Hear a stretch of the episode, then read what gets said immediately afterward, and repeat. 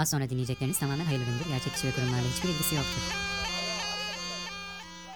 Az önce sepetinin içinde uyuyordu. Bagacısının dürtüklemesiyle dikili verdi öfkeyle. Saldırı pozisyonunda kobra dansı başladı. Kobra bircim, hoş geldik. Ay, herhalde bu hafta hoş geldik. Yepyeni mikrofonumuz var. Pırıl pırıl bir ses. Cam gibi bir kayıt. Işıl ışıl bir hafta. Kesinlikle öyle. Ee, mikrofonumuz için e, başta patronumuza teşekkür edelim. Hemen ardından da bütün Kreosus destekçilerimize teşekkür edelim. Geçen haftaki dilenme sekansımızı duymuş olacak ki Ege diye bir dinleyicimiz, yavru kobramız. Çok yüklü miktarda bir bağış yapmış bize. Ee, kendisine gerçekten teşekkür ediyoruz. Ee, çok mutlu olduk görünce. Diğer yavru kobralarımıza da her zaman söylediğim gibi ilham vermesini diliyorum. Mikrofonun arkasına ismini yazdıracağız Ege'nin.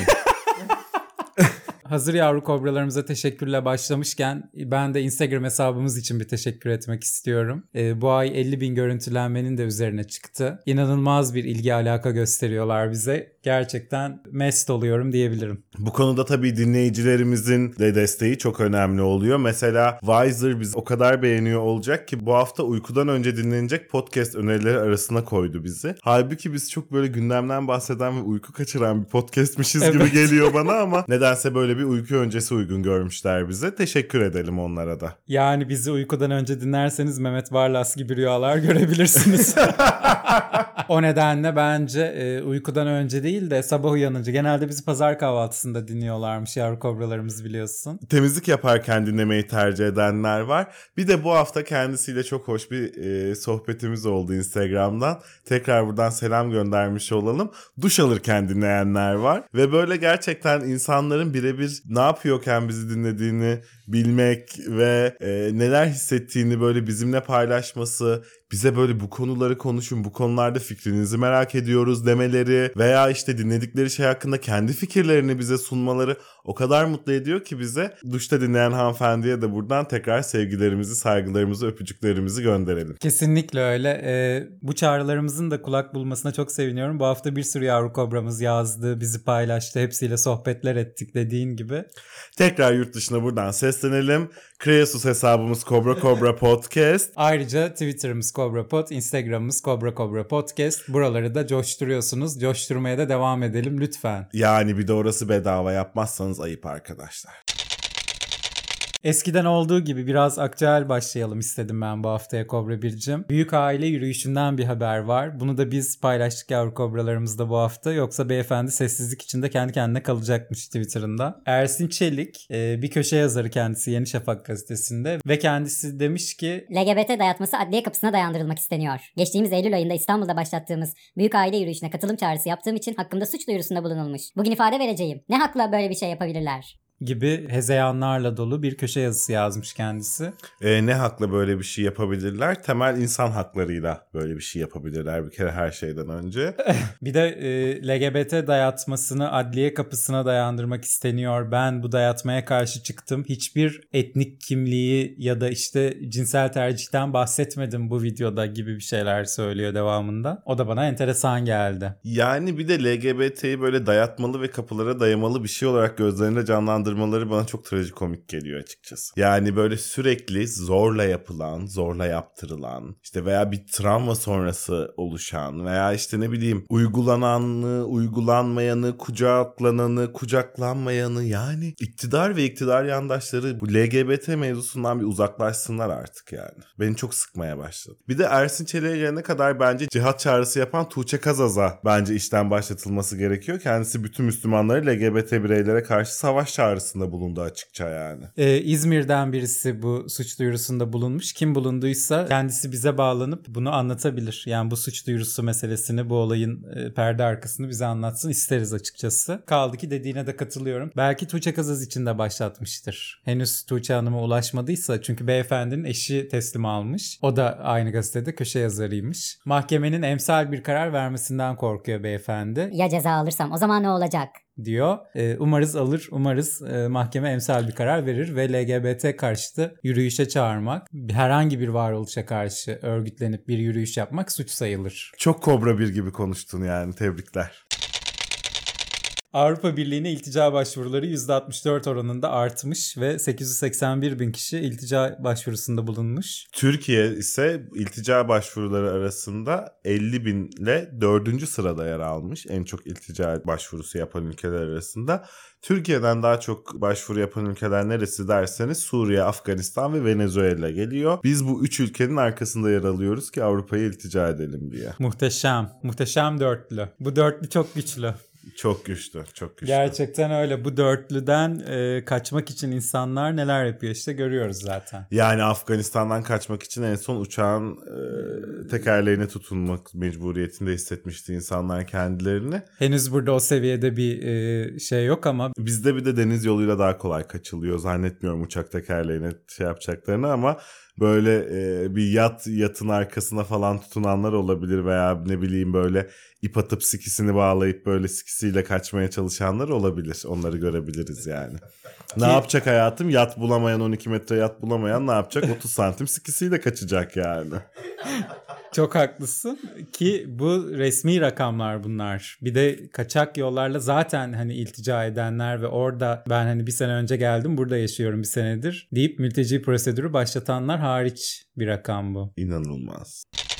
Bir haber daha. İlki 2021'de yapılan demokrasi zirvesinin ikincisine de Türkiye davet edilmemiş. E çok normal kıskanıyorlar. Bir de şey ne konuşacağız ki biz orada? Onlar Güney Kore, Costa Rica, Hollanda ve Zambiya ev sahipliğinde yapılacakmış bu e, toplantı zirve. Ve 120 ülkeden üst düzey hükümet yetkililerinin katılımıyla. İşte bunların hepsi ortodoks demokrasilere sahip ülkeler. Hayatım biz ileri demokrasideyiz biliyorsun. Yani bizim demokrasimiz ne Güney Kore'ninkine benziyor ne Hollanda'nınkine benziyor. Bu arada Zambiya'nınkine hiç benzemiyor. Sayın Cumhurbaşkanımızın Cebimizden 5 kuruş çıkmayacak. Diyerek müjdelediği ve geçen yıl açılan günlük 45 bin, yıllık 16 milyon araç geçiş garantili Çanakkale Köprüsü'nden bir yılda 2 milyon araç geçmiş. Cebimizden 214 milyon euro çıkmış. Burada tabii e, öngörülen 16 milyonla e, geçilen 2 milyon arasında yıllık %87'lik bir sapma gözlemlenmiş. Sapmacık gerçekten Diyelim. yani. Teğet geçmiş diyelim. Teğet geçmiş. %87 ile hesaptan teğet, Teğet geçmiş. geçmiş. Olsun biz bize yeteriz. Matematik seferberliğimiz daha yeni başladı. Bu köprü yapılırken başlamamıştı biliyorsun. Hep birlikte inşallah katılacağız ve bu sapma paylarını en azından %70 bandına düşürebileceğiz diye ümit ediyorum. Veya, Olsun birkaç yüz milyon euro birkaç yüz milyon eurodur yani. veya toplamasını çıkartmasını yapamadığımız konularda artık garanti maranti vermeyi bırakacağız. Ya da o da bir Yani, seçenek. Değil mi?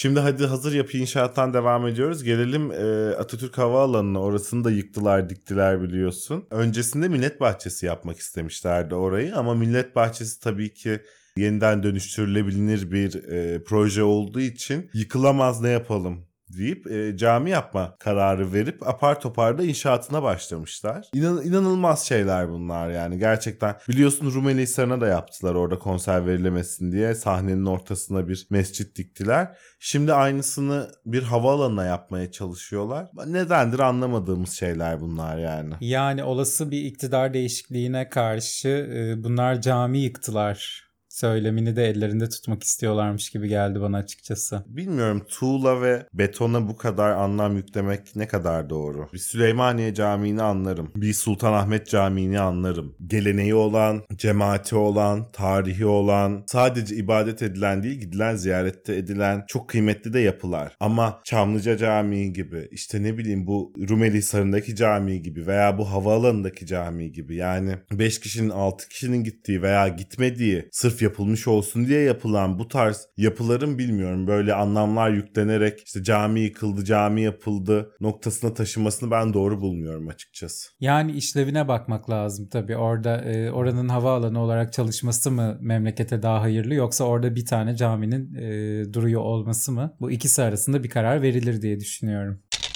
Anka Park'a da gidelim istersen. Unutuldu zannediliyor ama unutulmadı oradaki dinozorlar. E, unutulsun da isteniyor. Ankara Cumhuriyet Başsavcılığı Melih Gökçek hakkında soruşturma izni istemişti. İçişleri Bakanlığı buna izin vermedi. Melih Bey'in başına şimdilik bir şey gelmeyecek diyebilir miyiz? Yani Melih Bey'in başına gelenler gelmiş gibi de bir yandan. Mansur Bey'in dediği gibi telefon elinden alınmalı kendisinin Evet. gerçekten. Evet yani tw- e, sosyal medyaya, efendime söyleyeyim çeşitli iletişim platformlarına erişimine kısıt getirilmeli Melih Bey'in. Bu yoksa başka türlü zor yani kısıtsız. Kesinlikle. Bir kısıtlanmalı Melih Bey. Evet fiili ve ehliyetsel kısıtlanmaları bir değerlendirilmeli. Artık bilemeyeceğim onu e, doktor heyeti karar verir.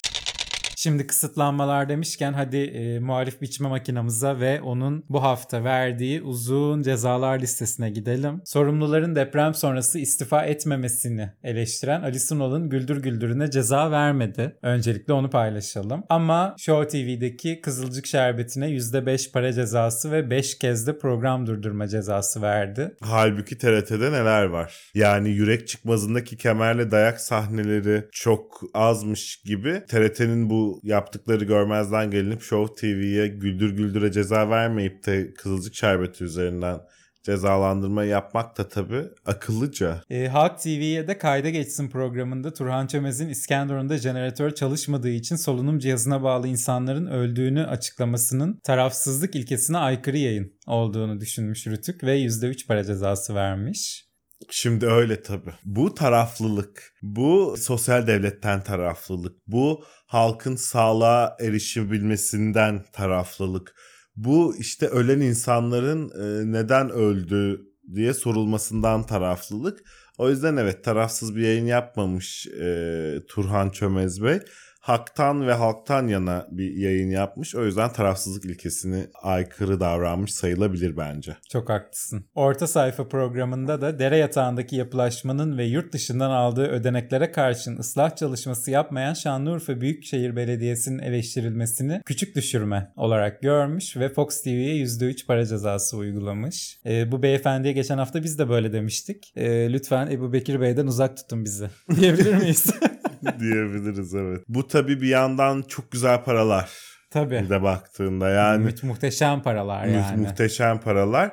Tele1'de de Merdan Yanardağ ile Profesör Doktor Emre Kongar'ın 18 dakika programındaki AKP'nin faşizan bir parti olduğu ifadesi ve kadın yürüyüşü yasağının eleştirilmesi nedeniyle onlara da %3 para cezası vermiş. Yani. Ee, ve son olarak da Selahattin Demirtaş'ın öykü kitabı Dat tanıtıldı Halk TV'de. Ee, suçluyu övmekten %5 para 5 kez de program cezası vermişler. Ee, Ebu Bekir Bey de bununla ilgili bir tweet atmış. Seçimler yaklaşırken medyanın dikkat etmesi gereken kurallar belliyken Halk TV'nin yapmış olduğu provokatif yayınlar kabul edilemez. Ülkemizin sömürgeci olduğu iddia edilemez. Silahlı terör örgütüne üye olmaktan hükmü bulunan biri övülemez. Demiş Selahattin Demirtaş'ın böyle bir hükmü yok. Kendisi, 7 yıldır tutuklu. tutuklu olarak yargılanıyor. Neden yargılandığı, nasıl yargılandığı, dosyası, osu busu artık o yargılayanları ilgilendiriyor herhalde. Herhalde Ebu Bekir Bey'e de Osman Öcalan'ın TRT'de AK Parti'ye oy verin mesajının e, yayınlandığı gün izin günü mü olup olmadığını soralım. Sadece soruyorum. Osman Öcalan'ın hükmü yok herhalde terör örgütüne üyelikten bilemeyeceğim şimdi. Muhtemelen yoksa demek ki. E, Selahattin Demirtaş da ona bir cevap atmış. Hakkımda örgüt üyeliğinden hüküm yok boş herif. Yalan söyleme. Beni 7 yıldır 12 metrekarelik bir hücrede tutuyorsunuz ama ismim geçtikçe paçalarınız tutuşuyor. Çünkü biz halkız ve haklıyız. Sen ve patronların ise gırtlağa kadar suça bulaşmış tirsoneklersiniz. demiş. Valla bu kelime dağarcığımıza yeni kelimeler ekleme akımına Selahattin Demirtaş da dahil olmuş. Ne demek tirsonek? Vallahi bilmiyorum. Rejimiz uyumasaydı da bize bulsaydı. Değil mi? Kürtçe korkak demekmiş tirsonek. Rejimiz Evet. buldu sağ olsun. Meclis TV gibi anlaşılamayan bir dil biliyorsun. Öyle yazıyor Meclis TV Kürtçe konuşulduğunda mecliste. Bilinmeyen bir dil yazıyor. Halbuki TRT biliyor. Şeş kanalı var yani. yani değil mi? Hani devlet biliyor mu bilmiyor mu? Orada biliyor burada bilmiyor. Orada sorumlu burada yetkili. Orada, Orada yetkili burada sorumsuz.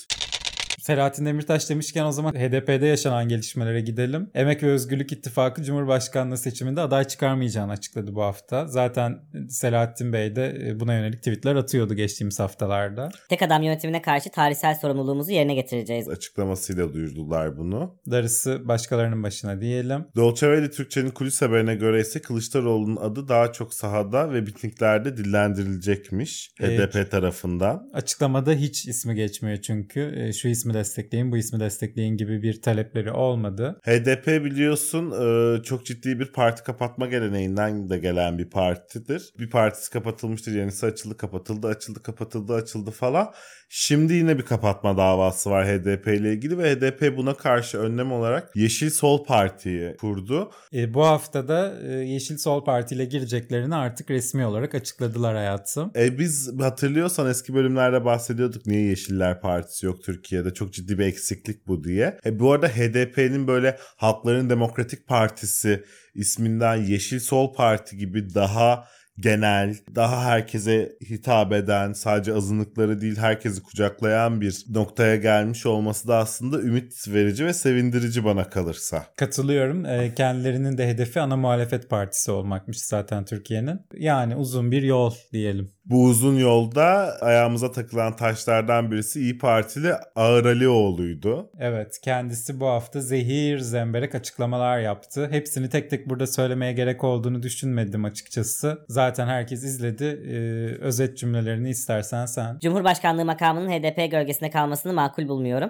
Bu süreç nereye kadar giderse millete verdiğim sözde devam edeceğim. HDP Türk demokrasisinin şantajcısına dönüşmüştür. Dedi. İki aday da eşit oy alsın. O bir oy e, HDP'den gelsin ben oyu istemiyorum. Falan gibi böyle hezeyanlara da kapıldı açıklamasını yaparken. Bu arada HDP'nin aslında hiç böyle şantajvari hatta talepkar bir tavrı bile yok yani. bu arada. HDP tarafı ne bakanlık istediklerini ne masada yer istediklerini ne bir şey çok net aslında talepleri var özgürlük ve adalet. Ve aslında bu altılı masanın da temelde buluştuğu en ilkeler de bu özgürlük ve adalet. Ama nedense bazı eller, bazı kişiler, bazı zihinler tarafından HDP bakanlık istiyor. HDP Cumhurbaşkanlığına müdahale istiyor. Hatta HDP altılı masaya destek verme şartı olarak Öcalan'ın serbest bırakılması şartını koşuyor gibi manasız söylentiler dolaştırmaya çalışıyorlar. En son Candaş Tolga Işık Canan Kaftancıoğlu'na sordu bunu programında. Yani böyle böyle bir talebi olduğu söyleniyor HDP'nin Öcalan'ın e, serbest bırakılması gibi. Adalet ve özgürlük dedikleri şeyin ifade özgürlüğü dediğinin aslında bu kadar geniş bir kapsamda değerlendirildiği söyleniyor falan diye. Canan Kaftancıoğlu çok güzel bir cevap veriyor. Yani Cumhuriyet Halk Partisi Genel Başkanı'na böyle bir şey teklif edilemez. Edilmiş olsa bile Kemal Bey gereken cevabı orada vermiştir. Asla altılı masanın gündemine bile taşımaz. Ve zaten öyle bir şey olmuş olsa çıkışta toplantı sonrası böyle güzel ve birliktelik mesajları verilmez, Verilmez. diye çok net cevabını verdi ama hala işte Habertürk'te de aynısı yaşandı. Çıktı kendini bilmezin biri Kılıçdaroğlu HDP ve PKK'nın adayıdır dedi Hilmi Taşdemir diye birisi.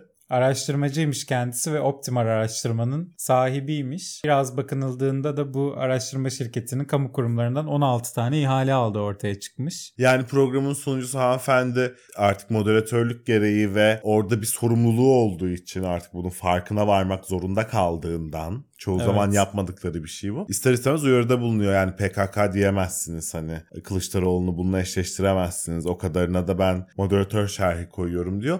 Hilmi Taşdemir herhalde ilk defa hayatında bir kadın tarafından reddedilmiş olacak ki dediğin Terk gibi he- ediyor. yani kulaklıklarını çıkarıp atıyor falan mikrofonlarını söküyor üstünden ve nasıl Kılıçdaroğlu HDP'li olmaz hayır diye. Deliriyor adam. Evet adeta.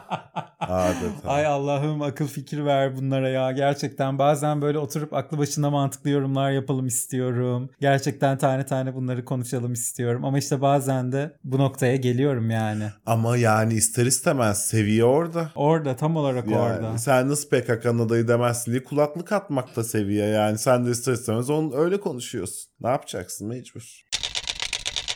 Hazır gazetecilikten ve moderatörlükten bahsetmişken istersen senin en sevdiğin isimlerden birine gidelim. Baş moderatör Ahmet Hakan. Hayatta başaramadığım çok iş var. En başaramadığım iş ise şu. Şöyle canjanlı, cakalı, afilli, artistik bir imza çakmak. Erdoğan benim imzayı görse ne yapardı acaba? Düşünmek bile istemiyorum. Yani Ahmet Bey hayatta başaramadığı işleri sayarken gazeteciliği es geçip imza atmasına gelmesi gerçekten trajikomik. Çünkü yani başaramadığı işlerin başında acaba Gazetecilik mi geliyor? veya imza atmayı öyle geniş mi değerlendirdi? Hani köşelere de imza atıyor ya nihayetinde hani. Ama bak Ahmet Bey e, Köşesini ne güzel doldurmuş. Her gün Erdoğan'ı yazmış bu hafta Ahmet Bey. Erdoğan düşündüğü bir hafta olmuş. Acaba benim imzamı görse ne derdi demiş. Vallahi göstersin bir gün. Bence de. O kadar yorumlarını merak ediyor. Sayın Cumhurbaşkanım size göstermek istediğim bir şey var desin. Çeksin bir köşeye göstersin yani. Ne der o zaman işte Sayın Cumhurbaşkanımız bilmiyorum. Kötüyse hemen söyler. Söyler. Öylesine şeffaf, öylesine açık sözlü, öylesine yürekli, dik ve reis bir bireydir kendisi. Gerçekten öyle. Bir sonraki gün demiş ki Erdoğan'ın miting yapmayacağı söyleniyor. Erdoğan'ın miting yapmadan kampanya yürütmesi kambersiz düğün yapmak gibidir. Şarjsız telefonla konuşmaya çalışmak gibidir. Teşbihte hata olmaz derler ama. Yani Ahmet Bey teşbihte bile hata yapmayı başarıyor ya. Tebrik ediyorum kendisine yani. Nasıl bir şarjsız telefonla konuşmaya çalışmak Erdoğan'la miting yapmaması nasıl bir benzetme bu yani? Erdoğan şarja benzetmek telefondansa. usta kalem. Bir sonraki gün de gene yatmış uyumuş. Yine Erdoğan için dertlendiği bir gün olmuş. Bugünlerde AK Parti'nin verdiği izlenim şu. Frene basmış gibi. Dinamizmden uzak gibi. Rehavete kapılmış gibi. Hamleden kaçınıyor gibi. Bu dikkat çekici sessizliğin iki nedeni olabilir. Bir, ya belli bir planı var, onun zamanlamasını bekliyordur. İki, ya da bir zaaf söz konusudur. Eğer bir planı varsa, bir şey demem ama bir zaaf söz konusuysa fena. Hem de çok fena. Ahmet Bey'in sanki gece uykuları kaçmış gibi gerçekten. Tam olarak uyanıp yazmış yani. Tabii bu yazıda e, Ahmet Bey'in de kafası karışmış oldukça AK Parti demiş ama sonra AK Parti'yi sadece Sayın Cumhurbaşkanımızla bir görmüş. E, herkes öyle görmüyor mu? Gerçi görmüyor. Erdoğan'a oy vereceğiz ama AK Parti'ye vermeyeceğiz diyen çok. Çok. İlginç yani o da. Bir de bu parti bağlama muhabbetlerinde Sayın Cumhurbaşkanımız da pek ortada gözükmedi biliyorsun. AK Partili değilmiş gibiydi o hafta. Şimdi artık olur seçime yaklaştıkça merak etme sen. Ama e, zaten AK Parti sessiz değil. Ahmet Bey'in kaçırdığı bazı gelişmeler olmuş anlaşılan. Seçimlerin yapılacağı tarihe kısa bir süre kala en düşük emekli maaşı 7500 lira oldu. Öyle olmadı. En düşük emekli maaşı alanların maaşı 7500 liraya çıkartıldı. Ama böyle 5000 6000 alanların falan orada kaldı. Hmm. Böyle 4000 alan mı ne çok düşük alan bir grup vardı. Onlar 7500'e çekildi. Ama onların üstünde alanların gene kaldı orada. Yani alt limit 7500'e çıkarılmadı. Ha, neyse orası bizi ilgilendirmez. Sayın Cumhurbaşkanımız çıkarıldı diyorsa ben bir bak sana bakıyorum. Bir Sayın Cumhurbaşkanımıza tabii ki ona inanmayı tercih ediyorum yani. Peki ben emeklilerle birebir temastan aldığım bir bilgi bu ama sen Sen bilirsin. yine de bir bilgi olarak tabii yavru kobralarımızla paylaş bunu. Ama iddiadır. İddiadır. Emekli maaşı alanların iddiasıdır. Onlara da bu yaştan sonra ne kadar güvenilir bilmiyorum diyormuşum. Hüdapar Cumhur İttifakı'na katıldı bu süreçte. Ahmet Geçen Bey, hafta gene katılmamış mıydı? E, geçen hafta katılıp katılmama kararı verme aşamasındaydı. Bu hafta resmi olarak seçimlere AK Parti listelerinden gireceklerini açıkladılar. Zaten e, geçen hafta demiştik birinin ittifaka katılıp katılmadığını Sayın Cumhurbaşkanımız her zaman koyacak son noktayı keşke çıkıp bir açıklama yapsa diye. Kendisi bizi duymuş olacak ki bu hafta Çok tartışmalı yine gündüz çekilen ama gece canlı olarak yayınlanan bir televizyon programına katıldı. Hüdapar tamamen yerli ve milli bir yapı. Hüdapar'a yakıştırılan bazı çirkinlikler var. Yetkilileri bizim terörle hiç işimiz olmaz diyorlar. Hüdapar'ın Cumhur İttifakı'na desteğini önemli ve kıymetli buluyorum. dedi. Ya bu açıklamadan bir gün sonra da Hüdapar biz Cumhur İttifakı'na katıldık açıklamasını yaptı. Yani bizim terörle işimiz yok diyorlarsa Sayın Cumhurbaşkanımız da tamam diyorsa öyledir. Yani. Bir de zaten Türkiye öyle bir yer ya artık Sayın Cumhurbaşkanımızı bir şey ikna ediyorsan onun öyle olmasına veya olmamasına gerek yok. O zaten Sayın Öyledir. Cumhurbaşkanımızın ikna olduğu şekildedir yani. Mesela Sayın Cumhurbaşkanımızı Hüdaparlılar nasıl ki terörle işlerinin olmadığını ikna etmişler. E yok artık işleri. Bu böyle Türkiye'de bundan sonra. Zaten bu açıklamalardan sonra aksini söylemek suç kabul Suç. ediliyor biliyorsun. Tabii. Ee, o yüzden e, Hüdapar'ın terörle hiçbir ilişkisi yok bundan sonra demek ki. E, bundan sonra e, herhalde Hizbullah'a da ona göre davranacağız. Yani Hüdapar'ın terörle ilişkisi yoksa Onu davranacak olanlar düşünsün diyelim mi? zaten Taliban'la örtüşen dini açıdan ve hayatta bakış açısı açısından bir taraftan bahsediyoruz. Hüdapar ve Hizbullah'ı da terör örgütü olarak görmemesi veya bir ilişkisi olmadığını düşünmesi çok normal bence. Hiç şaşırtıcı değil. Hiç değil. E, Yeniden Refah Partisi e, bu hafta Cumhur İttifakı'na katılmayacaklarını açıkladı. Sonrasında 4 gün sonra Fatih Erbakan Cumhurbaşkanlığı adaylığının e, yeterince de imza toplanamadı 3 gün boyunca ve katıldıklarını açıkladı. Biz de artık Cumhur İttifakı'ndayız dedi. Sayın Cumhurbaşkanımızla birlikte yürüyeceğiz dedi. Ve e, Cumhur İttifakı'nın seçimi kazanması halinde prensiplerinin uygulanacağı konusunda mutabakata vardıklarını söyledi Erbakan. Bu Ha- 6284'ün değiştirilmesi, içeriğiyle oynanması, Kaldırılması. hatta Yani. sonrasında çıkıp Kaldırılsın istemiyorum. Bazı kelimeler düzeltilsin istiyorum. gibi böyle e, hani şey gibi 2 kilo da patates istiyorum 3 kilo da soğan lütfen der gibi kanunlara hangi şekilde yön vermek istediğinden bahsetti kendisi ama kanun koymayı ve demokrasiyi yanlış anlaşılıyor bu ülkede. Kanun yaparken e, çoğunluğun hassasiyetlerine değil aslında azınlıkların hassasiyetlerine özen gösterirsin. Çoğunluk o kelimeden rahatsız olmuş, bu ifadeden bilmem ne olmuş. Orada önemli olan azınlığın kendini nasıl tanımladığı ve e, hassasiyetinin ne olduğudur çoğu zaman. Demokrasi böyle işler yani. Ve adalet dediğin böyle bir şeydir aslında. Ama işte kime ne anlatıyorsun? Kime ne Fatih Erbakan'a anlatmaya çalışıyorum bunları değil mi de ben? O kadar boşa kürek çekmek yani. Erdoğan bu hafta tüm bakanların milletvekili adayı olacağını da açıkladı o katıldığı canlı yayında. Ve bu vekillerin deprem bölgelerinden aday gösterileceği sanki harika işler başarmışlar gibi. Depremzedelerin büyük sevgilerine mazhar olmuşlar gibi bir de deprem bölgelerinden milletvekili adayı gösterileceklermiş. Bakalım deprem bölgelerinde sağ, sandık güvenliği nasıl sağlanacak? Daha da dikkat çekici olmaya başladı deprem bölgesinde sandık güvenliği konusu bu açıklamadan sonra bence. Kesinlikle. Ee, bu bakanların bir kısmını ise daha az oy aldıkları, birinci parti çıkamadıkları yerlere yerleştireceklermiş ki orada işte Aa Süleyman Soylu aday ona verelim deyip öne geçmeye çalışacaklarmış. Süleyman Soylu'ya vermek isteyenler sandık başına diyelim o zaman. Mehmet Şimşek'le görüşüldü bu hafta ve hayır dedi Mehmet Şimşek milletvekilliği adaylığına. Ama tabii Sayın Cumhurbaşkanımız öyle bir şey konuşmadık dedi. Kendisiyle ekonomik gelişmeler konusunda fikir alışverişinde bulunduk. Bu görüşmeleri ilk defa yapmadık. Desteği hep devam etti. Bu tür bir araya gelmelere farklı anlam yüklenmesin. dedi. Ama tabii gelen kulis haberleri Mehmet Şimşek'in Erdoğan'ın milletvekili ol teklifini reddettiği ve aktif siyaset düşünmüyorum dediği yönünde. E, bu arada Fatih Erbakan da kendisini aynı gün reddetmişti. Biz Cumhur İttifakı'na katılmayacağız. Bizim partimizin %60'ı bu katılımı onaylamıyor demişti. Gerçekten Erdoğan'a aynı gün iki red. Bakarsın Mehmet Şimşek de Fatih Erbakan gibi fikir değiştirir. Sayın Cumhurbaşkanımızın ikna kabiliyetini hafife almamak gerekiyor. Kesinlikle katılıyorum. O birinin karşısına geçtiğinde ve konuşmaya başladığında adeta hipnoz eder gibi ona kapılmamak elde değil. Depremzedelere özür diletti kendinden ya. Öyle bir yüce bir birey yani. Hani karşında gördüğün zaman kusura bakmayın Sayın Cumhurbaşkanım enkaz altında kalıp size buralara kadar zahmet ettirdik demek zorunda hissediyorsun kendini yani. Mehmet Bey görüşmeye şeyle gittiyse hipnoz olmama peleriniyle gittiyse etkilenmemiş. Sayın Cumhurbaşkanımız hiç göz teması kurmadan Kurmamış. konuşmuş odada? O yüzden reddedebilmiş. O derin ve efsunlu güzel gözlerine bakmamış Sayın Cumhurbaşkanımızın. Evet çok şey kaçırmış. Çok. Böylelikle son haliyle de Cumhur İttifakı, AKP, MHP, Büyük Birlik Partisi, Hüdapar, Yeniden Refah Partisi. Beş benzemez bir arada. Aslında 5 çok da benzer. Bu arada. Ee, herhalde ülkenin en e, sağ, en radikal sağ, en erkek, en e, siyasal İslamcı, en ırkçı, en En yani- tarih dostu diyelim. Çünkü bu ittifaka baktıkça böyle bir e, ortaçağ esintisi. Evet. Üzerimize üzerimize, üzerimize üzerimize esiyor. Adeta göte konuşuyormuş gibi. Adeta. Göte adeta. orta çağ mıydı bilmiyorum ama uygun geldi buraya. Köşeciklerden devam edelim o zaman. Hilal Kaplan köşesinden seslendi bizlere. CHP daha iktidar olmadan külliyeyi yıktılar, imam hatipleri kapattılar, bizi yargıladılar. Böyle bir faşist damarla geldiklerini açıkladılar. AK Parti 20 yıldır iktidarda. Bir düşünceyi savunduğu için kimin herhangi bir zulme uğradığından bahsedebiliriz.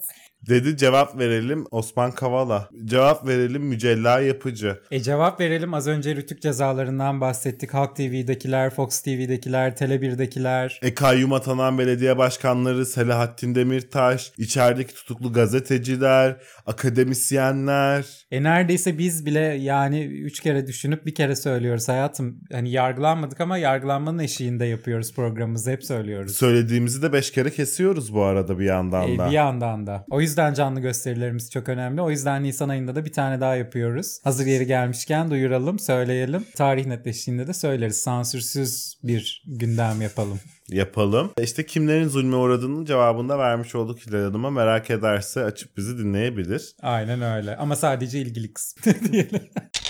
Hadi gidelim köşelerden zıplıyoruz. Engin Ardıç'a gidelim. Gidelim. Sabahtan. Bu seçim yalnızca bir seçim değildir. Çok çok kritik bir dönemeçtir. İktidar kazanırsa mesele yok. Muhalefet kazanırsa Türkiye bölünür. Çok büyük tatsızlık çıkacak. O zaman yanarsınız oğlum siz. Demiş kendi okuyucularına seslendiği için doğru da olabilir bu arada.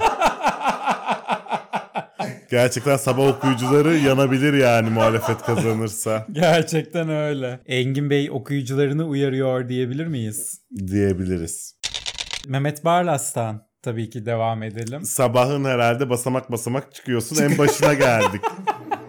Mehmet Bey demiş ki Yedili koalisyon masası denilen bu çocuk tiyatrosu Türkiye'nin bütünlüğüne yönelmiş bir tehdittir. Eğer 14 Mayıs'ta Cumhurbaşkanı Erdoğan'ı koruyamazsak hepimiz senaryosunu küresel güçlerin yazdığı evcilik oyununda oyuncak oluruz. Yedili koalisyon masası denilen neresi yedili koalisyon masası? e, şimdi rende binasının da talimatıyla HDP de artık Millet İttifakı'nın bir üyesi kabul ediliyor ve bu yönde söylemler üretiliyor. Şimdi oraya Millet İttifakı deniyor. Altılı masa deniyor falan da e, yedili koalisyon masasını herhalde Mehmet Barlas Bey uygun görmüş ve bir çocuk tiyatrosu olarak değerlendirmiş. E, onun zamanında koalisyonlar vardı. Normal öyle bir isim seçmiş olması. Tabii. Bu arada evet yani Kemal Kılıçdaroğlu, Temel Karamollaoğlu gerçekten çocuk tiyatrosundan fırlamış sevimli karakterler gibi görünüyor. Ali Babacan falan da öyle ama Meral Akşener bilmiyorum çocuk tiyatrosu için biraz korkutucu bir kast gibi geldi bana. Belki Pamuk Prenses'in üvey annesi. Beyaz Toros ve zehirli elmalarıyla. Ay diyemeyiz Meral Hanım'a demeyelim öyle. Meral Hanım da e, masaya yumruğunu arada vurur. öyle diyelim. Öyle bir öküz damarı tutar diyelim.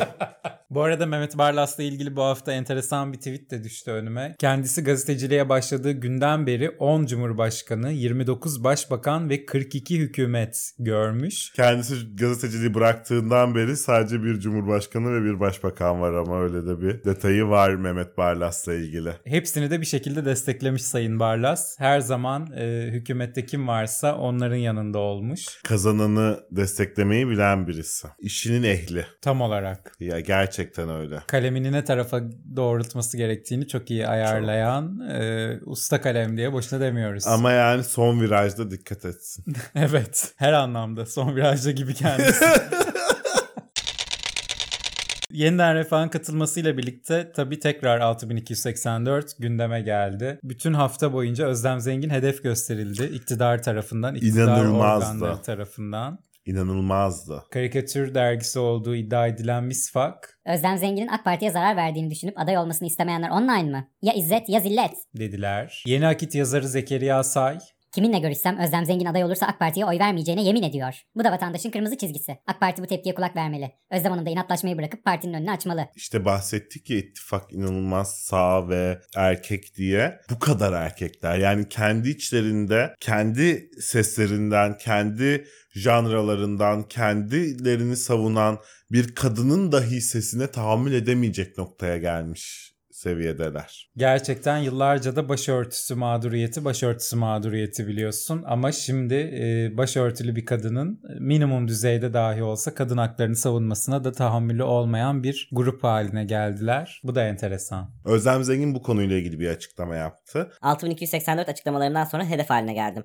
Artık tek şey söylemek istemiyorum. Bu yalnızlıktan yoruldum. Keşke daha İslami bir ortamda tartışabilsek. demiş. Keşke daha medeni bir ortamda tartışılabilse, keşke daha e, hukuksal bir düzlemde tartışılabilse, keşke daha insan hakları seviyesinde tartışılabilse bence. Tabii Özlem Zengin'e sahip çıkalım yani niye çıkmayalım ama kendisinin daha aylar önce Normal bir kadın çıplak aramaya maruz kaldığında bunu söylemek için bir yıl beklemez. Gibi bir e, çıkışı da vardı. Bunu da hatırlatalım. Ama her şeye rağmen tabii ki biz kobralar olarak bir kadını kadın hakları savundu diye e, linç yemekten e, korumaya ve böyle bir şey yapılmasının da karşısına durmaya e, özen gösteren birer kobralarız diye düşünüyorum. Tabii ki öyleyiz. Ee, ben de zaten desteğimizi verelim. Tırnak içinde Evet. yani o koru- Hatırlatmaya da gerek var tabii. tırnak içinde o koruma altına da alalım ama korumamız altındayken de niye bunları söyledin diye soralım. Doğru Demek istiyorum. Just asking questions diyorsun. Aynen öyle. Bravo. Hadi iyice böyle bir seçime girelim artık. Hadi gidelim. Girmemişiz gibi. Türkiye'de yaşayanların bir kısmı hala barınacak çadır, içecek su, e, gidecek tuvalet, hastalığını gösterecek doktor bulamıyormuş gibi. Gelelim Türkiye'nin en önemli gündemlerinden birisi olan seçime. Cumhurbaşkanlığı adaylığı için resmi başvuruda bulundu Vatan Partisi lideri Doğu Perinçek bu hafta ve dedi ki Seçim ikinci tura kaldığı zaman Doğu Perinçek de ikinci tura kalır. İkinci turda da biz olacağız. Bu gidişle iktidar bile olabiliriz. dedi. Çok acayip bir ikinci tur bizi bekliyor belli ki. İkinci tura dair en iddialı iki isim Muharrem İnce ile Doğu Perinçek. Gerçekten öyle. İkisi de %30'la başladılar seçime biliyorsun. Yani aslında bir şey söyleyeyim mi? Doğu Perinçek'le Muharrem İnce'ye özel bir ikinci tur düzenlenebilir. Gerçekten öyle. Ben hangisinin daha çok karşılığı olduğunu merak ediyorum. Ben de merak ediyorum. Yani Doğu Perinçek mi Muharrem İnce mi sorusunun cevabını seçime katılacak olan 61 milyonu Türkiye'de 3 milyonu yurt dışında yer alan seçmene bir de biz soralım bakalım. Kobra 1'in de dediği gibi 61 milyon Türkiye'de 3 milyon yurt dışında Ee, tek tek sayacağız. Herkes lütfen gidip oyunu kullansın. Biz bunu böyle aklımıza geldikçe yeri geldikçe hatırlatalım.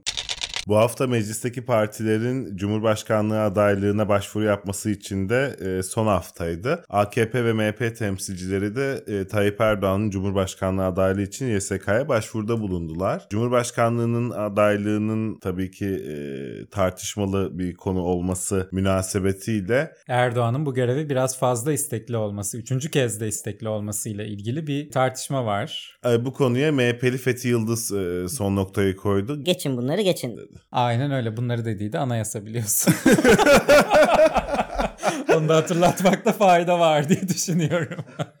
Bunları geçeli çok oldu ama zaten. Zaten zaten yani yani. bunları geçeli o saymaya kalksak herhalde 4 saatlik bir bölüm çekmemiz gerekir. Sayın Cumhurbaşkanımızın diplomasını da paylaştılar. Marmara Üniversitesi'nden e, alınmış bir diploma Halkın Kurtuluş Partisi'ne duyurulur. Gözleri aydın. Aynen öyle ulaşıldı. E, bu hafta e, Müge Anlı'ya da adaylık teklifi götürüldüğüne dair bazı haberler yayıldı sosyal medyadan. Müge Hanım tabii ki hemen cevabını verdi. Tabii ki. E, böyle bir adaylık teklifi gelmediğini söyledi Müge Anlı ve orada konuşulan e, oy oranına tepki gösterdi. Bir kere çok az yüzde iki buçuk. Razı olmam teklif edilse de. Bugün ben kendim aday olsam görün bakalım yüzde kaç alıyorum. Benim siyasette alakam yok. Yapmak istesem de onu biliyorsunuz yaparım. Yapar bu arada. Yapar ve kendisinin ben de %2,5 oyu olduğuna inanmıyorum. İkinci tura kalır. O da kalır. Gerçekten e, Sayın Cumhurbaşkanımız da ikinci tura kalır diyorum. O kadar iddialı bir aday bence. Diyorsun. Doğu, ya Doğu Perinçek'te kalırsa? Doğu Bey alır tabii.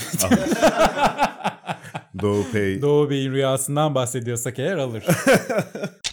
Neyse Gökhan Zan ve Müge Zan İyi Parti'ye katılmışlar bu hafta. Gökhan Bey zaten biliyorsun deprem ve e, hakkını helal etme işiyle ilgili böyle milletin içine su serpen açıklamalarıyla gündemdeydi. AK Parti'den de kendisine teklif gitmiş ve İyi Parti bu ısrarlara karşı koruma altına almış Gökhan Zan'ı. Partiler şu anda milletvekili avında diyebilir miyiz? Gerçekten hepsi ava çıkmış gibi. Aynen öyle. Aynen öyle. Yani tam tersi milletvekillerinin kendini seçtirme dönemiymiş e, gibi biz bahsediyorduk ama öyle olmamış. Yani AK Parti'ye bile 6000 tane aday adaylığı başvurusu olmuş. Çok az bir sayı bu. Evet. O yüzden evet yani şu anda partiler milletvekili adayı avındalar. Çünkü Biz de buradayız demek istiyorum.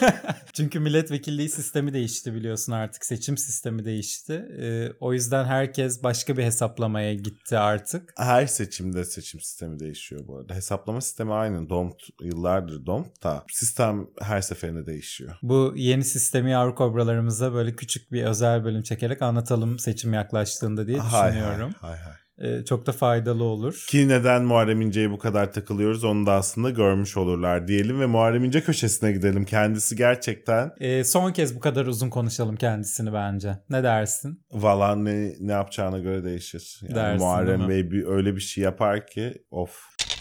Muharrem Bey bu hafta Fatih Altaylı'ya çıktı ve çok tartışılan bir yayın oldu. Orada bütün gazetecilere tek tek neden küstüğünü anlattı. Ona merak edenler bakabilirler. Gazeteciler de çok güzel cevaplar verdiler aslında bu konuda. Evet. Merak edenler onlara da baksınlar. Kafamda 300 isim var. Bunların bir kısmı partide şu anda. Bir danışma kurulu kuracağım. Taha Akyol, Naci Görür, Celal Şengör'e de teklif edeceğim. Kamuda iyi çalışan bürokratları not ediyorum. Kendilerinin bile haberi yok benimle çalışacağından. Dedi. Öyle görünüyor zaten. Yani. Kimsenin haberi yok gibi. gibi gibi. Gerçekten öyle. Yani Muharrem Bey'in seçileceğinden, kimle çalışacağından, ne işler yapacağından falan bir Muharrem Bey'in haberi var. Bakalım ikinci tura kalırsa göreceğiz. Fatih Altaylı kendisine Sizi sıkıştırıyorum diye bir tek memleket partili bana kızmadı. Hep AK Partililer kızıyor. Bırak adama aday olsun diyorlar. dedi. Muharrem Bey de Merak etmesinler onlardan öyle bir oy alacağım ki bunu söyleyen AKP'liler Kemal Bey'e oy vermeyecekler. dedi. Muharrem Bey AK Partililerden oy alacak mı bilmiyorum ama adaylığı konusunda bolca imza alacağı benziyor. Bu arada aynı durum e, Fatih Erbakan'ın adaylığı konusunda CHP'liler için de geçerliydi. Yani Fatih Erbakan'a adaylığı konusunda imza vereceğini söyleyen pek çok CHP'li ile karşılaştım ben. Vallahi bilmiyorum Muharrem İnce hakikaten AK Partililer tarafından özel olarak sevilen, özel olarak böyle pohpohlanan, e, şişirilen ve beğendirilmeye çalışılan birisi. Bu da çok dikkat çekici tabii ki. Dedi ki kendisi Muhalefet %48 aldı. Ben de %5 aldım. Seçim ikinci tura kaldı. İşim çok zor. Fatih Altaylı da bu durumda sokağa çıkamayacağını söyledi. Biliyorum. dedi. Ama halbuki yo Muharrem Bey adam kazandı mesajından sonra bile bırak sokağa çıkmayı aday olma yüzsüzlüğünü gösterebilmiş bir insan. Niye Zannet- çıkamasın? Yani niye çıkamasın sokağa? Hiç sanmıyorum öyle bir şey olacağını yani. Ben de öyle. Ki Fatih Altaylı devam ettirdi bu muhabbeti Erdoğan %40 aldı. Kılıçdaroğlu 37 aldı. Siz de 23 aldınız. İkinci tura onlar kalıyor sonuçta. dedi. Muharrem Bey yine o anda bir rüyasını paylaştı ve dedi ki Bakarsın çekilirler. Üçüncüyle birinci yarışır. Evet. Hani öyle bir seçim ki bu da tam olarak böyle olabilecek bir seçim. ben Kılıçdaroğlu'ndan bu konuda gerçekten dik durmasını bekliyorum. Çıksın desin ki Muharrem İnce %23 alırsa çekilirim ikinci turda. Aynen Ve öyle. çekilsin de bu arada. Yani Muharrem İnce'nin %23 alabildiği bir seçim yürüttüyse eğer altılı masa bunu başarabildilerse yani zaten Kılıçdaroğlu bence çekilmeli adaylıktan ikinci turda. Bence masa o zaman da almalı işte. O Aynen. gün o masa tersiz edilmeli. Çok doğru. Ki bizzat oturanlar tarafından. Katılıyorum. Vallahi aramıza dönerse ben çok sevinirim Muharrem Bey ya. Uzaylılar kaçırmış gibi değil mi? Yani böyle farklı bir Türkiye'de yaşıyormuş gibi. Sanki biz programın başında hep söylüyoruz ya konuşulanların asla alakası yoktur gerçek kişi ve kurumlarla gibi. Evet. Muharrem Bey'in de sanki gerçek kişi ve kurumlardan bahsetmiyormuşçasına bir konuşuyor yani. Kendisi %60'la kazanacağını söylese de 3 gündür e, imza toplayıp da aday olamadı kendisi. 76 bin imzada 3. günün sonunda. Zafer Partisi'nin adayı Sinan Oğan'ınsa 39.300 imzası var. O da henüz aday olamadı. Bakalım neler olacak. Yani işte bu imza sayıları da aslında yine daha önce bahsettiğimiz gibi sosyal medyanın ne kadar ciddiye alınması gerektiğini de bir kez daha gözler önüne sersin lütfen diyelim. Keşke 15 yaş altındakiler de e, Cumhurbaşkanlığı adaylığında imza kullanabilse de Sinan Oğan'la Muharrem İnce şimdiye kadar aday olabilseydi. Keşke. Keşke. Hadi Kılıçdaroğlu köşesine gidelim. Ne sabır Kılıçdaroğlu'nda gerçekten. ne sabır ne sabır o ne birleşme isteği yani anlayamıyorum. Ee, bravo kendisine. Ben gösteremem o sabrı ve o şefkati. Kimse gösteremez. Gerçekten Gandhi benzetmesini doğru çıkarır nitelikte bir sabır gösteriyor kendisi. HDP ile görüşme gerçekleştirdiler ve çıkışında da açıklamalar yaptılar. Kılıçdaroğlu dedi ki Kürt sorunu dahil bütün sorunların çözüm adresi TBMM'dir. Bu ülkede kavgayı bitireceğim. Milletime söz veriyorum. Kimliği, inancı ne olursa olsun, yaşam tarzı ne olursa olsun insan insandır ve benim başımın üstünde yeri vardır. dedi. Bu aslında çok güzel bir söylem. Çok. Çok, birleştirici ve barıştırıcı bir çağrı. Tebrik ediyorum Sayın Kılıçdaroğlu'nu bu konuda. Her zaman olduğu gibi aslında hep benzer açıklamalar yapıyor Kılıçdaroğlu. Mithat Sancar da bir açıklama yaptı. Yeni başlangıç. Türkiye'de demokrasi, insan hakları, adalet ve özgürlük temelinde bir yaşam ve sistem kurmakla ancak mümkün olacaktır. Bu görüşmeyi mecliste yapmamızın nedeni de çözüm adresi olarak TBMM'yi gördüğümüzü vurgulamaktır. dedi. Daha ne desin? Daha ne desin yani gerçekten. Gerçekten ne desin? TBMM'de konuşulan her şey TRT'de yayınlanıyor. Bu insanlar e, dokunulmazlıklarıyla, milletin oylarıyla seçilip geliyorlar oraya. Gerçekten orada tartışılıp konuşulup çözülmeyecekse bu konu nerede çözülecek? Doğru temsiliyetlerle, e, adaletli bir seçimle, oyların güvenlikle sayıldığı bir seçim sürecinin ardından gerçekten her sorunun, sadece Kürt sorununun da değil, Türkiye'de sorun olarak yaşanan her şeyin TBMM'de gerekli şekilde çözüleceğine ben de inanıyorum. Göreceğiz diyorum. Meclis çünkü genel olarak böyle bir yerdir ya zaten. İşte Zaten. temel işlevi budur yani. Ee, bir video çekti Kılıçdaroğlu evinin mutfağında. Ve videoda söyle o kadar güzel şeyler söyledi söyledi. Hiçbiri konuşulmadı. Neymiş efendim? Airfryer almış Kılıçdaroğlu eve. Gerçekten öyle. Türkiye muhteşem bir ülke ya gerçekten yani. Halbuki Kemal Bey AK Parti ve onunla olanlar birkaç oy için kadınların haklarını pazarlık meselesi yaptılar. Biz Erdoğan'a karşı mı birleşiyoruz? Bu kadar emeği, bu kadar küçük bir hedef için mi harcayacağız? Erdoğan'ı göndereceğiz hep bunu söylüyorum. Bu hedeflerimizin en küçüğü. Ama hedefimiz çok büyük. Biz rekabetçi bir Türkiye inşa edecek şartları oluşturacağız. Ben siyasete devam etmeyeceğim. Bunları yaptıktan sonra çekileceğim. Torun sevmek istiyorum. vesaire bir sürü şey söyledi. Bunlar çok önemli şeyler aslında. Özellikle de bu kadar gerçekten büyük bir potansiyeli altılı masa dediğimiz bu ittifakı, bu bir, bir araya gelen benzemez isimleri bu kadar emeği sadece Erdoğan'ı göndermek için kullanmak doğru değil. Bizim de daha önce söylediğimiz gibi aslında iktidarı ve geleceğin iktidarını inşa etmek için de çok önemli. Daha çok sesli, daha çok temsiliyetli bir meclis, bir yönetim şekli, bir yönetim anlayışı hakikaten Türkiye'nin ihtiyacı olan bir şey. Bu da ana hedefimiz ise ne mutlu bize. Sayın Kılıçdaroğlu sağ olsun. Airfryer'da helali hoş olsun. Demokratların e, damarları tıkanmasın inşallah. Selvi Hanım kim bilir neler yapıyordur onda. Tabii. Değil mi? Onda öyle çok böyle e- eli becerikli kadın memnuniyetsizliği var yüzünde. Gerçekten öyle. Bakalım Airfryer Çankaya'nın mutfağına taşınacak mı? Az sonra. Sezon finalinde biliyorsun. İşte o airfryer. Anketler tabii devam ediyor yapılmaya. Mart ayında yapılan bütün anketlerin ortalaması Kılıçdaroğlu %54.2, Erdoğan 45.8 çıkmış. Çok sürprizli olacak seçim ama ben de aşağı yukarı böyle tahmin ediyorum şu an için. ben de öyle 55 bandında de. bitecekmiş gibi görünüyor.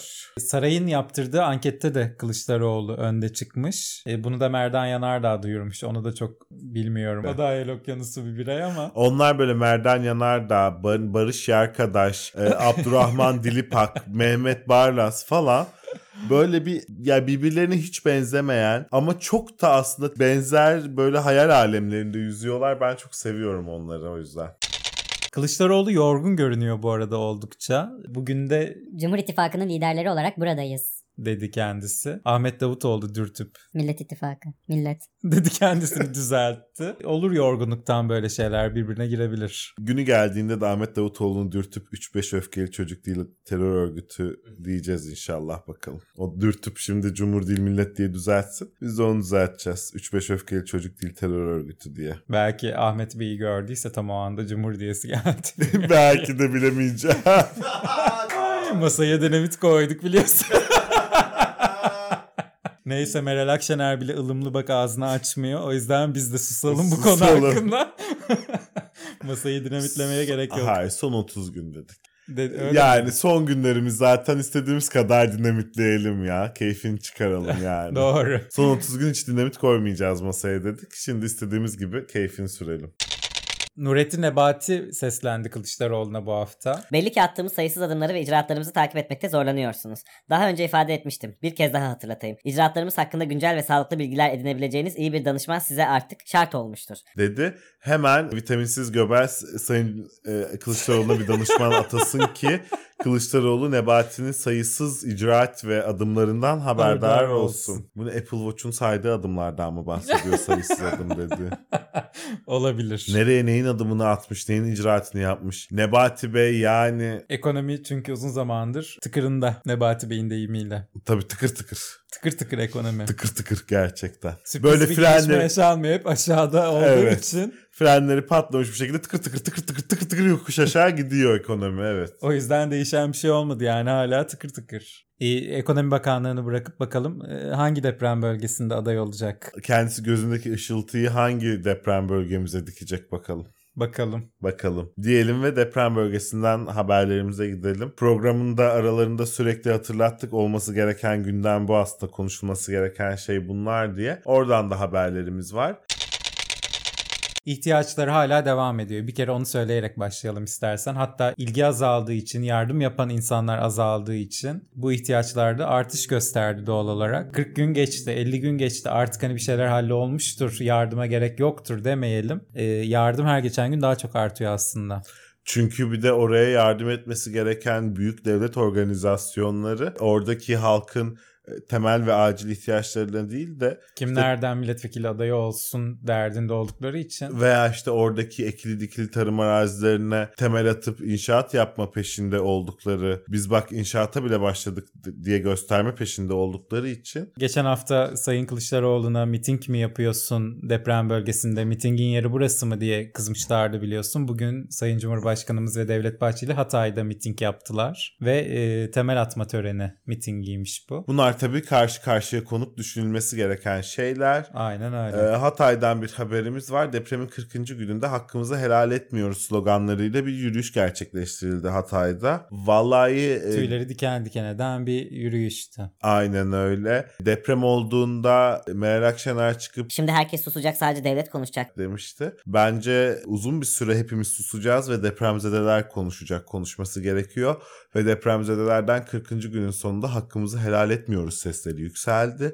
Çok doğru söyledin. Gerçekten e, hepimizin susması ve depremzedelerin konuşması gereken bir dönemdeyiz. Ve eğer kendileri hakkımızı helal etmiyoruz diyorlarsa üstüne kimsenin bir şey söyleme hakkı yoktur diye düşünüyorum. Aynen öyle. Selden etkilenen Şanlıurfa'da da e, Süleyman Soylu bir açıklama yaptı. Eşya yardımını Cumhurbaşkanımızın talimatı çerçevesinde gerçekleştireceğiz. Bak nasıl yüce gönüllü bir sayın cumhurbaşkanımız var görüyor musun? Selden etkilenenlere eşya yardımı yapın demeseydi insanlara yardım yapılmayacak. Ya gerçekten görüyorsun işte. E, devlet kurumu, devlet aklı, işte bürokratik işleyiş falan. Hayır. Hayır. Cumhurbaşkanımızın talimatı. O talimatı olmadan hiçbir şey yapılamıyor biliyorsun. Soylu bu hafta videosunu çeken vatandaşlara da kızdı. Ya çekme şunu ya çekme. Ne kadar çekmeyi seviyorsunuz? dedi. Böyle bir kaplan gibi vatandaşın üstüne atlayıp telefonu çekmek istediği bir dil kullandı burada. Bir vücut dili kullandı. Enteresan bir video. E yani kendisi şimdi yüzü eskisini istemiyorsa ne diyebiliriz? Kendisinin milletvekilliği kariyeri başlayacak çünkü biliyorsun. Tabii. E, ne diyordu acaba da çekilmesini istemiyordu tabii. En çok da bu soru soruldu. Bilemeyeceğiz. Kendisi bilir onu. Kızılay'dan çürük kokularından sonra küf kokuları da gelmeye başladı. Yosun bu hafta. kokuları gelmeye Yosun başladı. kokuları gelmeye başladı. Ee, Migros'un 2019'da Kızılay'ın maden suyunda yoğun miktarda arsenik tespit ettiği ortaya çıktı. Ardından sosyal medyada ve gazetelerde Kızılay'ın e, Üretim deposunda bir video paylaşıldı. E, maden sularının hali içiler acısı. inanılmazdı yani. Bayağı çöplükten içiyormuşuz yani. Ve normal olan oranın iki katı arsenik tespit edilmiş bu maden sularında. Vallahi yazık. Yazık, Yazık yani. yazık. Kızılay Konteyner Fabrikası bulunduğu Malatya'da çalışanlarını ağır hasarlı binalarda da konaklatıyormuş. Ama bitmiyor hayatım işte bu Kızılay'ın skandalları. Malatya'daki üretim tesisinde ürettiği konteynerları tanesi 115 bin liraya özel şirkete satıyormuş. Halk TV'nin ulaştığı şirket yetkilileri de Mayıs ayına kadar dolu olduklarını ve Rönesans Holding'in sipariş ettiği konteynerları yetiştirmeye çalıştıklarını söylemişler. Yani Rönesans Holding bu konteynerları ne yapacak bilmiyoruz. Ama eğer deprem bölgesine göndermek için yaptırmıyorsa şu anda Kızılay deprem bölgesine göndermek için konteyner yapamıyor. demektir bu. Önceden aldığı siparişleri tamamlıyor. Yani Korkunç. korkunç. Ve hani bak kaç hafta gerçekten depremden beri 6. hafta 6 haftadır Kızılay'la ilgili bitmiyor. Bitmiyor. Bitmedi yani. Bitmedi. AFAD da aşağı kalmıyor ama e, kalmak için özel çaba sarf ediyor gibi. Evrak bölümünde yangın çıktı AFAD'ın. Aa, Aa. bak sen. Kılıçdaroğlu da bu konuyu tiye alıp dedi ki Belgeleri yakalım derken binaları da yakmayın lütfen. olur bu arada yani. Dikkat edilmesi gerekiyor. Bir de yani doğal afet acil müdahale kurumunun evrak deposunda bir doğal afetin gerçekleşmiş olması ironisi de göz dolduruyor. Dinlettim boynu bükük şarkılar. Yönetmen. Doğru martılar yani martıların boynu bükük adeta. tamam.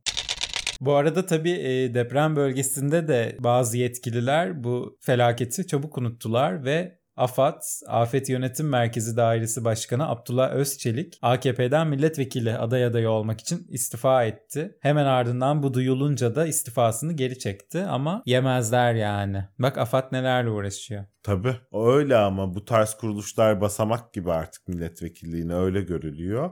Ama beyefendi o basamakta takılı kalmış gibi görünüyor. Kerem Bey'den de bekliyoruz bir AK Parti milletvekili adaylığı değil mi? Yakışır kendisine. Çok yakışır. Çok. Çok. Çok. Yani bütün bu skandalların üstüne gerçekten Kendisi de Maden Suyu Bakanlığı da çok yakışır. çok. Maden Suyu ve Çadırcılık Bakanlığı.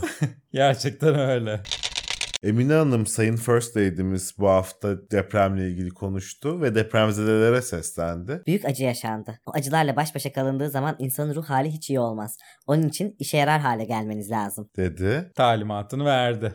Ee, Sayın depremzedeler artık elinizdeki imkanlarla kendinizi işe yarar hale getiriniz. Onun Ki ee, Ruh haliniz iyi olsun. Aynen öyle. Aksi halde Emine Hanım'ın da söylediği gibi bu acılarla baş başa kalırsanız ruh haliniz hiç de iyi olmazmış. O yüzden e, kendi kendinize yetin, kendi kendinizi oyalayın. Yani efendime söylediğim bir psikolojik destek, devletten bir yardım, bir böyle bir anlatabiliyor muyum? Hiç yok öyle bir şey. Herkes kendi başının çaresine baksın, kendini yararlı hale getirsin. Acılarıyla başa çıkmayı öğrensin herkes. Diyelim ve e, Emine Hanım'dan Sayın Cumhurbaşkanımızın köşesine gidelim.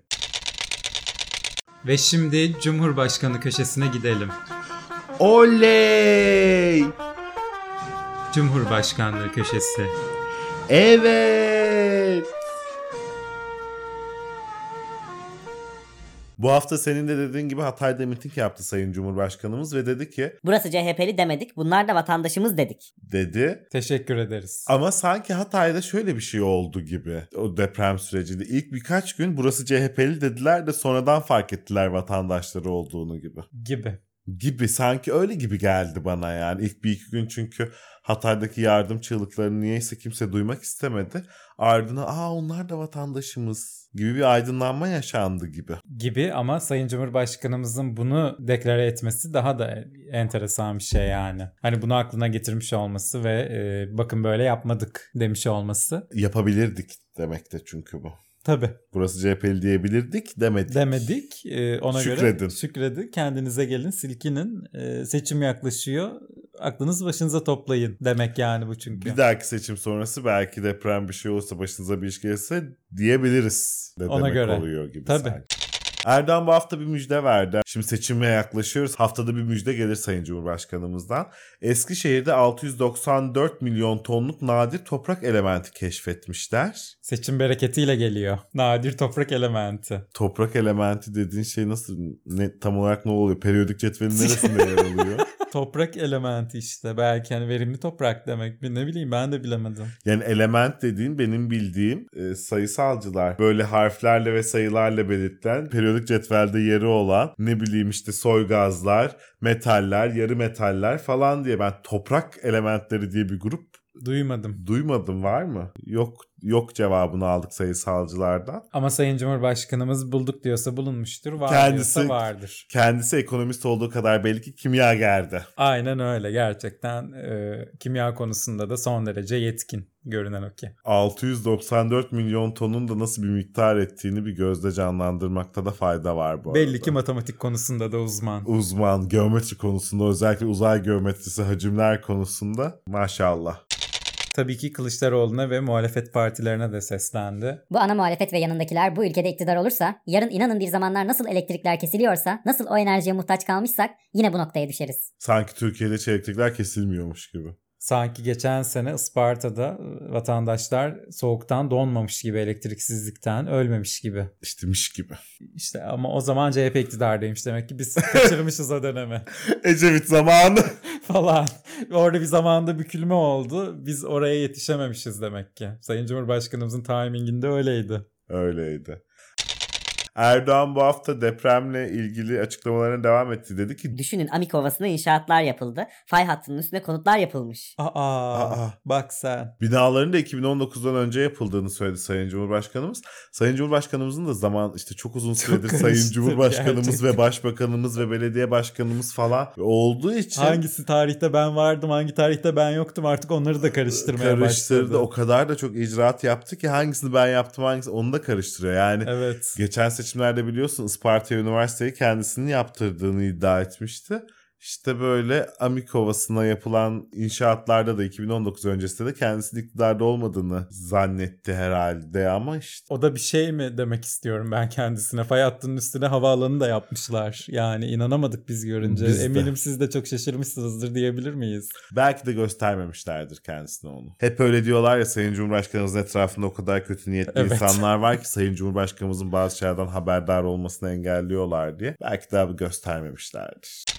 Son olarak dedi ki kendisi bu katıldığı programlardan birinde İstanbul'a girişi vizeye tabi tutma gibi bir tezim vardı. Her gelen rahatlıkla girmemeli bir bedelinin olması lazım. dedi. Kendisinin bunu tezi savunduğu zamanlarda demokrasinin bir tren olduğu ve gerektiği yerde ineceklerini de savunuyordu. O zamanlara mı geldik acaba? yani çoktan o zamanlardaymışız gibi. Kendisinin İstanbul için böyle bir projesi varmış. Keşke Türkiye için olsaydı demek istiyorum ben öncelikle. Değil mi? Yani keşke bu projeyi daha büyük alanlarda kullansaydı ve Türkiye'ye girişler vizeye tabi olsaydı olamamış. Olamamış. Türkiye'ye girişler sınırsız açık kapı politikasıyla biliyorsun. Hadi yavaş yavaş toparlayalım Kobra Biricim. Toparlayalım ama toparlamadan önce e, Kreasus hesabımızı ben tekrar hatırlatmak istiyorum. Çünkü bu mikrofonu ben çok beğendim. e, inşallah yavru kobralarımız bize bundan daha fazlasını layık görürler de daha iyisini layık görürler de biz de alabiliriz. Diyelim Kreasus hesabımız Kobra Kobra Podcast. Ama bunu yapabilecek gücünüz yoksa da bizi paylaşıp desteğinizi e, gösterebileceğiniz ve bize geri dönüşlerde bulunabileceğiniz sosyal medya hesaplarımızsa Twitter'ımız Kobra Pod, Instagram'ımız Kobra Kobra Podcast. Sizleri çok seviyoruz. Haftaya görüşmek üzere. Haftaya görüşürüz. İşleri bitince sakinleşiyorlar. Sonra yeniden sepete. Neyse ki buna razılar. Aksi halde yılanların öcü durumu ortaya çıkardı